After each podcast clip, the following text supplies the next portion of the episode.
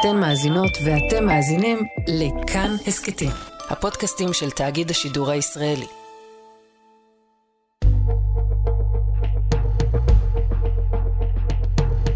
קרוב לארבעה חודשים שצה"ל פועל קרקעית ברצועת עזה. צה"ל עורך פשיטות מקומיות לתוך שטח הרצועה כדי להכין את השטח. תמשיכו לנסות לזהות ולדחוף.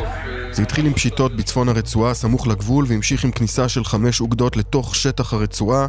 שם פעל צה"ל בצורה שיטתית, מצפון לדרום, מבית חנון למחנה שתי. אנחנו נוסעים אה, עכשיו, עולים על אה, ציר החוף של עזה, נוסעים אה, לכיוון דרום, לתוך מ"פ שתי ולעיר עזה עצמה. לעיר עזה ולשכונת שוג'אעיה, משם למחנות הפליטים במרכז הרצועה. מצאנו מתחם לחימה בתוך מחנה הפליטים. הרבה מאוד אמל"ח, הרבה מאוד תחמושת.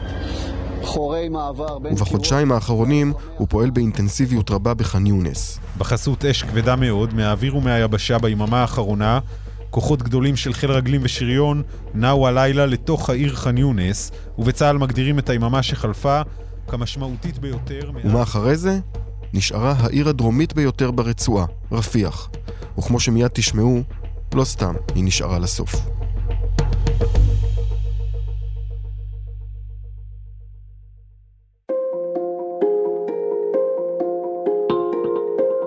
שלום, אתן ואתם על עוד יום, הסכת האקטואליה של כאן. אני דניאל אופיר.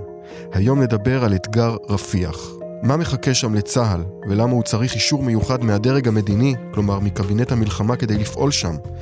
אילו השלכות מדיניות יש לפעולה שם, ולמה היא כל כך חשובה? נעשה את זה בעזרת ראש תחום העולם הערבי של כאן חדשות רועי קייס, אבל עוד קודם נהיה עם פרשננו לענייני צבא, רועי שרון.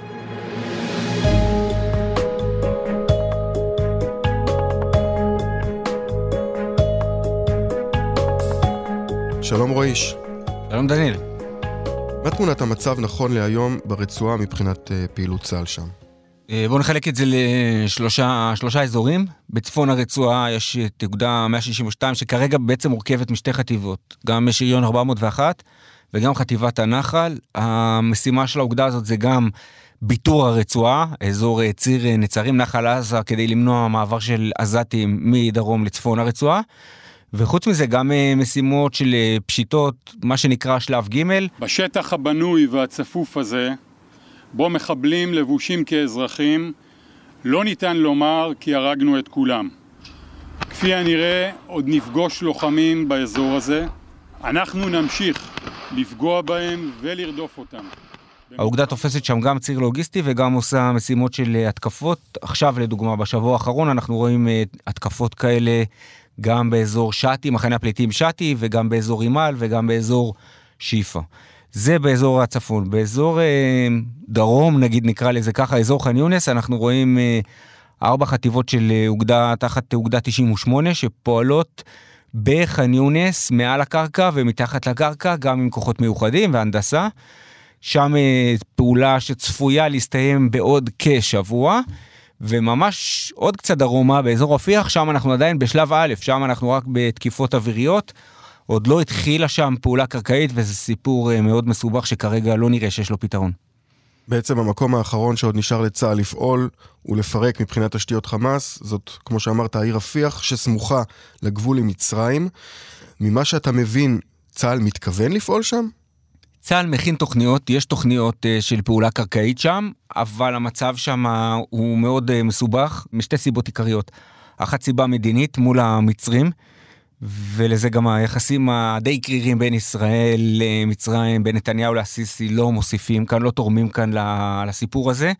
המצרים חוששים, יש כרגע ברפיח מיליון 200, לפחות מיליון 200 אלף אה, עזתים שירדו לשם בהמלצת צה"ל או לדרישת צה"ל במהלך המלחמה. עם התקדמות צה"ל, רבים מתושבי ח'אן יונס מתפנים היום לאזור רפיח.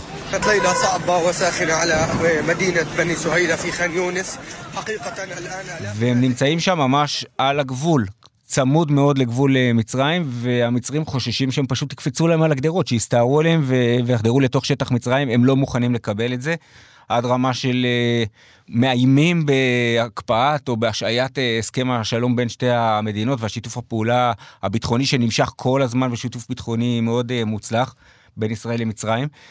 כרגע זה, זה משהו שהדרג המדיני צריך לפתור, ראינו נסיעה גם של ראש השב"כ למצרים, גם בבכירים נוספים, כדי להגיע איכשהו לאיזה הבנה שתאפשר לצה"ל לפעול שם, כי אין דרך אחרת לפרק את חמאס ולשלול את היכולות הצבאיות שלו בכל רצועת עזה, בלי לעשות פעולה קרקעית ברפיח. הבעיה השנייה, שהיא קשורה גם לבעיה הראשונה, זה אותם אה, מיליון 200 אלף העזתים, יש שם הרבה מאוד אוכלוסייה. פיזית אי אפשר לתמרן שם באזור הזה. התמרון שם חייב לכלול גם את רפיח העיר עצמה, יש שם גם חטופים, יש שם גם אה, מפקדים בחמאס, אולי אפילו בכירים מאוד בחמאס, לא יודעים.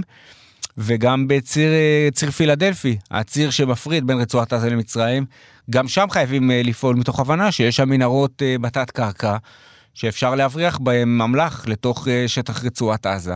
צריך לעשות משהו עם האוכלוסייה שם, צריך לפנות אותם, השאלה לאן. זהו, אז מיד נגיע לציר פילדלפי, אבל לגבי האוכלוסייה, אתגר האוכלוסייה שאתה מציין, בעצם עד עכשיו כל הזמן צה"ל דחק את האוכלוסייה דרומה ודרומה, נכון? והם התרכזו והתנקזו רובם באזור רפיח, באזור שאנחנו מדברים עליו עכשיו.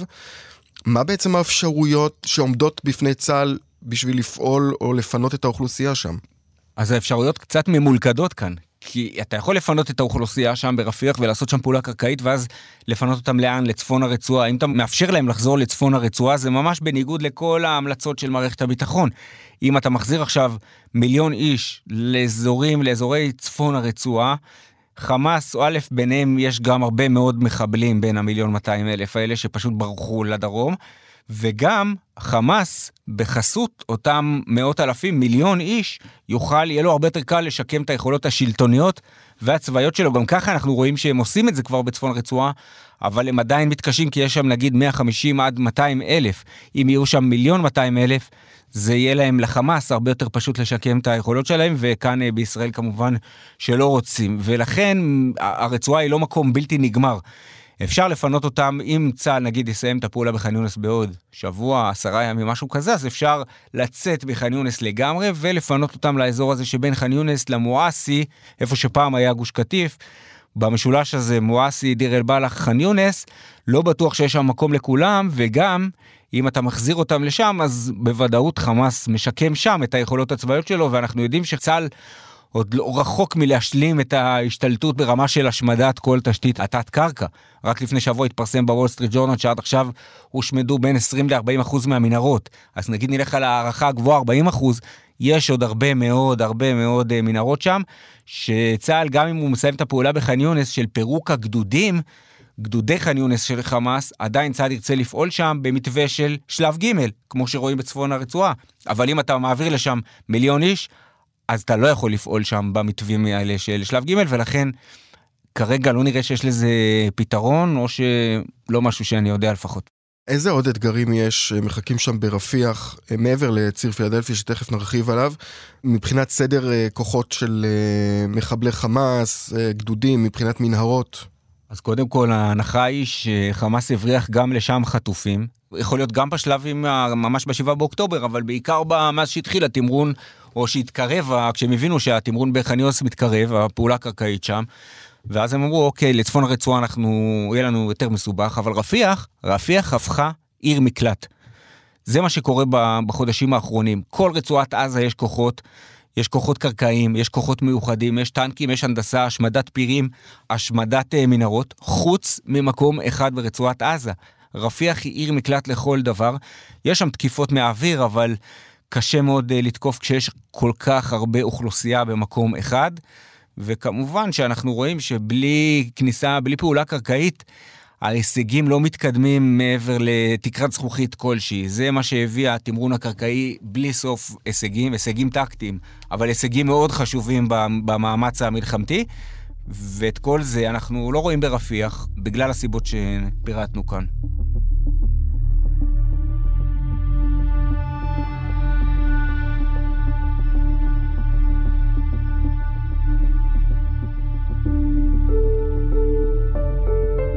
צמוד לרפיח, אתה הזכרת את זה, נמצא ציר פילדלפי, הוא למעשה קו הגבול בין רצועת עזה לבין מצרים. בעבר היה בין ישראל לבין מצרים, שנמתח מחוף הים בצפון בקו כמעט ישר דרומה, לאורך כ-12 וחצי קילומטר, עד מעבר כרם שלום בדרום. רק נציין אנקדוטה שפילדלפי הוא השם שמופיע במפות הקוד של צה"ל, כמו צירים אחרים, לא קשור לעיר פילדלפיה או משהו כזה. מה החשיבות שצה"ל רואה בציר הזה? אין ברירה אחרת חוץ מלפעול שם קרקעית ולחסום את הציר הזה. אם אנחנו מדברים רגע עכשיו על היום שאחרי, כדי שלא נחזור למה שהיה לפני ה-7 באוקטובר, שיש שם אה, טיילת ומעבר של אמצעי לחימה ושל אה, מחבלים ושל כל מה שהם רוצים אה, להעביר והם לא מצליחים, אז הם עושים את זה מתחת לאדמה, חמאס. אז זה אותו סיפור גם של רפיח, גם המעבר מעל הקרקע. הרבה אמצעי לחימה הוברחו שם פשוט כי יכולת הבקרה והפיקוח של המצרים היא לא הוכיחה את עצמה, ולכן חייבים קודם כל עוד לפני שנתעסק במעבר הרשמי בין מצרים לרצועה, במעבר רפיח, ברור שחייבים איכשהו לסתום את הפרצה הזאת. שמענו את ראש הממשלה מדבר על זה, בהתחלה הוא אמר, ציר פילדלפי יהיה בידינו. ציר פילדלפי, או יותר נכון, הסוגר הדרומי חייב להיות בידינו, חייב להיות סגור, וברור שכל הסדר אחר לא יבטיח את הפירוש שאנחנו רוצים וחייבים להבטיח. אחר כך הוא אמר, אנחנו נהיה חייבים לסגור את הפרצה הזאת. אה, ציר פילדלפי הוא אפשרות אחת של אה, מה שאני קורא סוגר דרומי או חסם דרומי. ברור לך שאנחנו לא נסיים את המלחמה בלי שנסגור את הפרצה הזאת. יש כמה אפשרויות איך לסגור אותה, אה, אנחנו בודקים אותן, אבל... זה ברור שבשביל לממש את מטרות המלחמה, צה"ל חייב לפעול קרקעית ברפיח וקרקעית בציר פילדלפי ולסתום את הפרצה הזאת, זה יכול להיות בצורת מכשול. קיר סלארי, כמו שהיה המכשול ברצועת עזה, המכשול התת-קרקעי, צריך לזכור, הוא כן הוכיח את עצמו. יכול להיות שמישהו, גורם זר, מדינות במזרח התיכון, שהם ישקיעו את הכסף, האמריקנים ישקיעו את הכסף. ישראל הרי לא תשלוט ברצועת עזה פיזית, לא תהיה נוכחות קבועה של צה"ל, אבל כן צריך להביא לשם לאיזה פתרון, אבל אנחנו בינתיים אפילו עוד לא בשלב הזה, כי צה"ל עדיין עוד לא קיבל אור ירוק מהדרג המדיני לפעול באזור הזה, לא של רפיח ולא של ציר פילדלפי. יש מי שמדבר על שליטה לאורך הציר, וכדי להבין את המשמעויות הצבאיות, לא צריך לדמיין, אפשר לחזור בערך 20 שנה אחורה, לסוף שנות ה-90, שנת 2005, זו הייתה השנה שבה צה"ל התפנה מציר פילדלפי. אתה יכול להזכיר לנו קצת מה הייתה המשמעות, מה היה המחיר של השליטה בציר הזה? אז באמת את uh, ציר פילדלפי הזכור לה רע מאוד, אנחנו זוכרים בגלל התמונה המחרידה והבלתי נשכחת של uh, לוחמי צה"ל כשמחפשים את הגופות של חבריהם שנהרגו שם, חמישה אנשי צוות בנגמש. נגמש ההנדסה עמוס חומר נפץ הגיע לחילוץ, סטה מהציר והפעיל מטען נוסף. מהפיצוץ התפרק נגמש ההנדסה ושרידיו התפזרו לכל עבר. כל חמשת הלוחמים שהיו בנגמש נהרגו שם. ואנחנו זוכרים את, ה, את התמונה של חיילים שהוקפצו שם לגזרה כדי לסרוק ממש עם האצבעות, הם זוחלים שם ביחד עם אה, רבנות. 24 שעות אחרי אסון הנגמש השני, וכך נראה ציר פילדלפי. עשרות חיילים מחפשים אחר חלקי גופות חמשת חבריהם. מחפשים בחול את, ה, את מה שנשאר מהגופות של אה, לוחמי צה"ל, זו תמונה, אחת, אחת התמונות שיזכרו... לנצח מהתקריות התקריות הקשות, המבצעיות שהתרחשו שם אה, בציר פילדלפי. אה, וכאמור, מאז, מאז שנת 2005, יישום תוכנית ההתנתקות, ישראל לא נמצאת ברצועת עזה וגם לא בציר פילדלפי. בשעה 7 ו-30 בבוקר עזבה ישראל סופית את ציר פילדלפי. אחרוני העוזבים היו מפקד גדוד 13 בגולני, סגן אלוף רפי מילו, ומפקד החטיבה הדרומית, אלוף משנה אבי פלד. המשימה הראשונה אחרי הנפת הדגל הייתה ההתכוננות לבוקר שאחרי. מנהרות אגב היו שם עוד לפני. אז רועי, אחרי כל הדילמות שהצגת, ובהנחה שאין עצירה של הלחימה בשל עסקת חטופים ביממות הקרובות, מה בכל זאת השלב הבא של המלחמה? אז שמענו ביום ראשון את ההערכה של צה"ל שבתוך כשבוע צה"ל צפוי לסיים את הפעולה הקרקעית האינטנסיבית שאנחנו רואים אה, בח'אן יונס, ואז למעשה כל רצועת עזה כבר עברה טיפול קרקעי, עברה פעולה קרקעית ב- על ידי צה"ל, חוץ מהאזור הזה של רפיח, ולכן ה- הדילמה הזאת חייבת להיפתר בקרוב, אחרת מה השלב הבא של צה"ל אחרי שהוא יסיים את הפעולה ב- באזור ח'אן יונס? אני לא רואה תשובה אחרת חוץ מרפיח. רועי שרון, תודה רבה לך. תודה.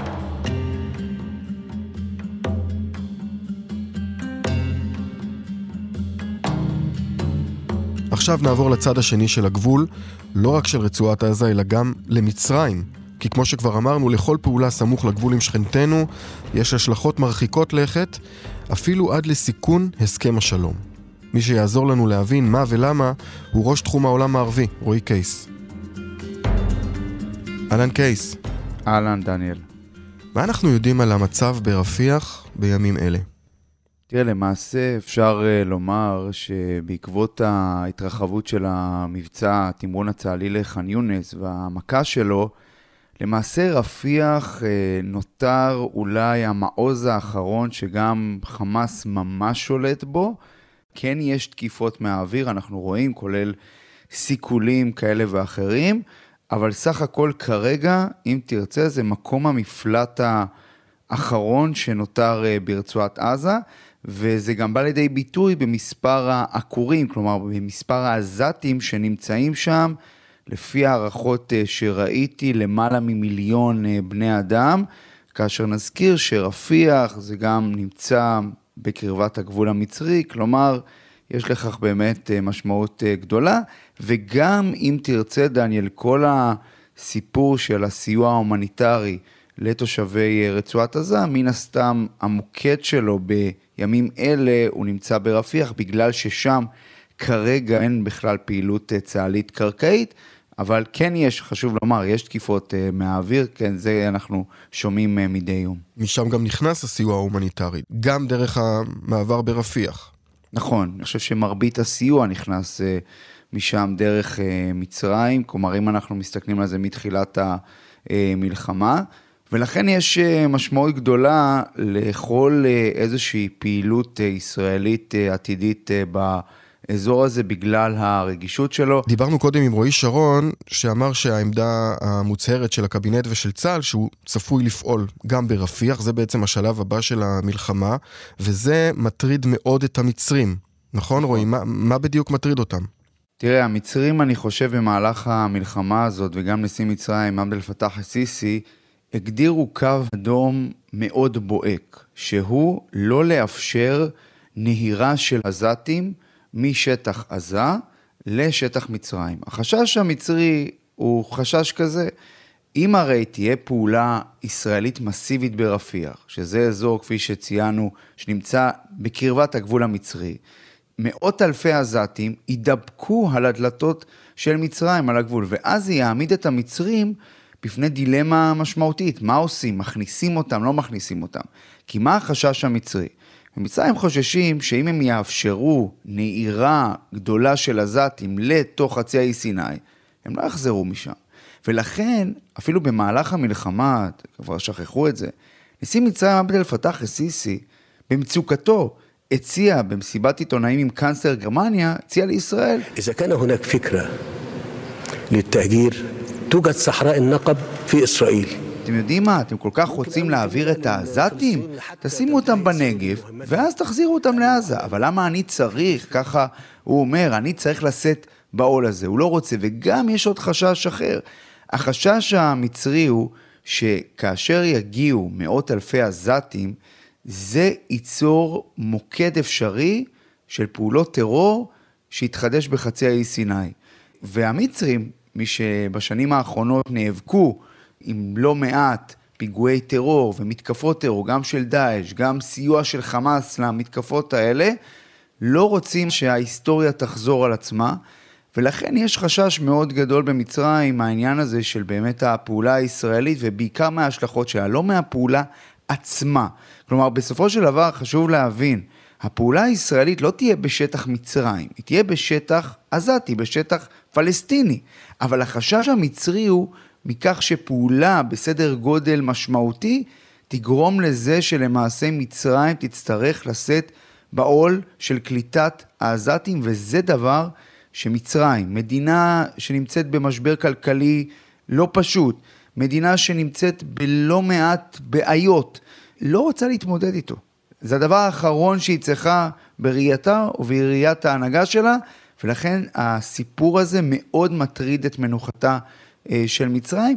לכן גם אנחנו גם רואים שישראל, יש הבנה, אני חושב, לגבי הסיפור הזה של מה שמכונה הגירה של עזתים לשטח מצרים. כלומר, עד כמה זה רגיש למצרים, ולכן יש ניסיון לראות איך אה, משיגים איזה שהן הבנות בין הצדדים, אולי בתיווך אמריקני, אולי האמריקנים יביאו איזשהו פתרון, כאשר נגיד שיש גם את כל הסיפור של אה, ציר פילדלפי. או, בדיוק רציתי לשאול אותך לגבי ציר פילדלפי, האם למצרים יש בעיה שצה"ל ישלוט בציר הזה? תראה, אני חושב שלפי לפחות המצרים, הם רואים בשליטה של צה"ל בציר הזה, משהו שבעיניהם קצת פוגע בשליטה שלהם. כי כיום בעצם הם שולטים על המעבר, מעבר רפיח, בין מצרים לעזה. בתסריט שצה"ל ייכנס לציר פילדלפי, הוא בעצם יחצוץ בין מצרים לבין עזה, והוא בעצם יפגע בשליטה שלהם במעבר הזה. נכון, וגם נזכיר שיש גם את uh, בוואבה צלאח א-דין, כלומר את שער צלאח א-דין, שזה כזה מעבר, uh, מעבר אחר, אבל לענייננו, אני חושב שהמצרים מבחינתם, החשש הבאמת uh, גדול שלהם, הוא שאיך הם יצטיירו, גם מבחינת דעת הקהל הפנימית וגם מבחינת העולם הערבי. ואני חושב שהדבר שמטריד את המצרים, שהם לא רוצים להצטייר כסוג של משת"פים של ישראל, זה מאוד uh, מפריע להם, ולכן, אתה יודע, אנחנו פחות אולי מדברים על זה, אבל יש לא מעט ביקורת uh, בעולם הערבי על ה, uh, מה שנקרא ההתגייסות של מדינות ערב למען רצועת עזה. ולא בכדי המצרים מאוד לא אהבו את מה שהם שמעו בתביעה הישראלית בבית הדין בהאג, שממנה השתמע, על אף שזה לא נאמר, שהם למעשה אלה שמונעים את כניסת הסיוע ההומניטרי בצורה מספקת דרך מעבר רפיח, ולא ישראל שהיא למעשה מפקחת על ההכנסה שלו. המצרים מאוד לא אהבו את זה, כי זה מציג אותם בעולם הערבי כמדינה שלא עושה מספיק. ולכן אני חושב שפה העניין, גם בהקשר הזה של אה, ציר פילדלפי, כי חשוב להבין, בשנים האחרונות התיאום הביטחוני והצבאי והמודיעיני בין מצרים לבין ישראל הגיע לשיאים חדשים, בעיקר לנוכח הלחימה של המצרים נגד ארגון דאעש בחצי האי סיני, בעיקר בצפון סיני.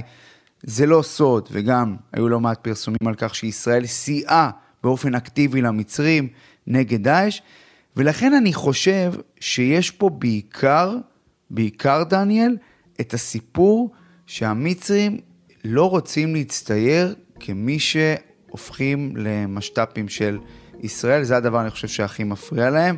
לנוכח התסיסה שקיימת uh, בתוך uh, מצרים, אנחנו רואים את זה, uh, תסיסה בגלל המלחמה בעזה, אפשר לראות את זה בשלל ביטויים, ולכן אני חושב שזה הדבר המרכזי שמטריד את המצרים בהקשר הזה.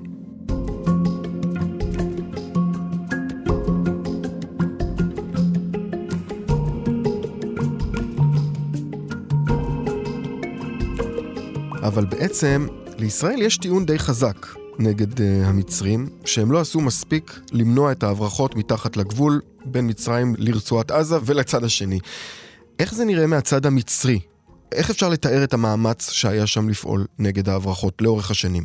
תראה, אז חשוב לומר שמצרים, אה, אחרי אה, נפילת האחים המוסלמים והעלייה של א-סיסי לשלטון, פעלה בצורה משמעותית מאוד בצפון חצי האי סיני וגם באזור הזה של הגבול בין אה, מצרים לבין אה, רצועת עזה, אה, בגלל האינטרסים שלה. בסופו של דבר, מה שקרה באותן שנים, שהמצרים הבינו שדאעש, שנמצא בחצי האי סיני, הוא מבצע פיגועים גם נגד חיילים מצרים, גם נגד שוטרים מצרים, גם, גם נגד אזרחים מצרים, מסתייע בחמאס, ושלמעשה קורה דבר שהוא מאוד בעייתי, זרימה של אנשים עזתים מרצועת עזה, וגם כאלה שקשורים לחמאס, לתוך חצי האי סיני, כאלה שחוברים לדאעש. זה כולל גם מן הסתם לא רק אה, זרימה של אנשים, אלא גם של אמצעי לחימה ודברים בסגנון הזה. ואז אנחנו כן ראינו אה, פעולה של המצרים בניסיון לסתום את ה, גם את המנהרות, את המרחב התת-קרקעי, כולל אגב בהצפה של מנהרות, יש אפילו תיעודים של זה מלפני כמה שנים, אפרופו מה שאנחנו מדברים גם כן על השיטה הזאת שישראל החלה לנקוט בה גם במלחמה הנוכחית של הצפת מנהרות, אז המצרים למעשה קדמו לנו בהקשר הזה של הזרמת מי מים מהים התיכון, ואני חושב שמבחינת המצרים, חשוב להבין, המצרים דואגים לאינטרסים של המצרים, לא דואגים לאינטרסים של ישראל. אני חושב שגם הם מבינים, הם מבינים היטב את הסכנה ש, שיש בהתעצמות של ארגון חמאס, אבל האם אפשר לבוא ולומר שהמצרים עוצרים כל הברחה? כנראה שלא. אז מה המסרים, גם הפומביים, גם השקטים, שהמצרים העבירו בהמשך לדאגות שתיארת קודם, רועי? תראה, אז קודם כל, לאחרונה אנחנו כן uh, רואים שיש uh, הצהרות uh, מצריות רשמיות יותר בכל מה שקשור ל... לסיפור הזה של ציר פילדלפי, ציר ההברחות. קודם כל, המצרים מנסים, מה שנקרא, להגן על עצמם, להגיד, בניגוד למה שישראל אומרת, לא אפשרנו הברחות של אמצעי לחימה לחמאס דרך ציר פילדלפי, ובמקביל יש גם את האמירה שאם ישראל תעשה פעולה בציר פילדלפי, או באזור רפיח, שמה שנקרא לא תהיה מתואמת עם המצרים, או לא תעשה בצורה המדויקת, אה, ובצורה המדודה, אז זה יכול לאיים גם על הסכם השלום בין המדינות. אני חושב שזה עדיין רחוק, אבל כן, תראה, ככל שאנחנו מתקרבים לפעולה הזאת, אין ספק שזה מציב אתגר גדול ביחסים בין המדינות, שגם ככה, חשוב לומר, לפחות ברמה של ההנהגות, אתה יודע, דיברתי על התיאום הצבאי והביטחוני והמודיעיני שמתקיים גם בימים אלה, חשוב לומר, אבל במישור של ההנהגות, מן הסתם, הדברים בעיניי נראים אחרת, יש מתיחות, זה לא סוד, בחודשים האחרונים הייתה שיחה אחת בלבד בין נשיא מצרים עבד אל פתאח א-סיסי לבין ראש הממשלה בנימין נתניהו, לא היה מעבר לכך, ואני חושב שזה אומר לא מעט. בהחלט. רועי קייס, תודה רבה לך. תודה, דניאל. האזנתם לעוד יום. תודה לחן עוז על עיצוב הקול והמיקס, תודה גם לדימה קרנצוב ולארז שלום על הביצוע הטכני. בצוות האורחים שלנו גם יותם רוזנבלד. פרקים חדשים של עוד יום עולים בכל יום ראשון, שלישי וחמישי. לכל הפרקים ולהסכתים נוספים מבית תאגיד השידור הישראלי אפשר להאזין ביישומון כאן, באתר שלנו או בכל יישומון הסכתים. מוזמנים בחום לעקוב אחרינו וללחוץ על כפתור ההרשמה כדי שלא תפספסו שום פרק. אותנו אפשר להשיג בקבוצת כאן הסכתים בפייסבוק, או בחשבונות שלי בפייסבוק, או ב-X טוויטר. אני דניאל אופיר, שנדע בשורות טובות.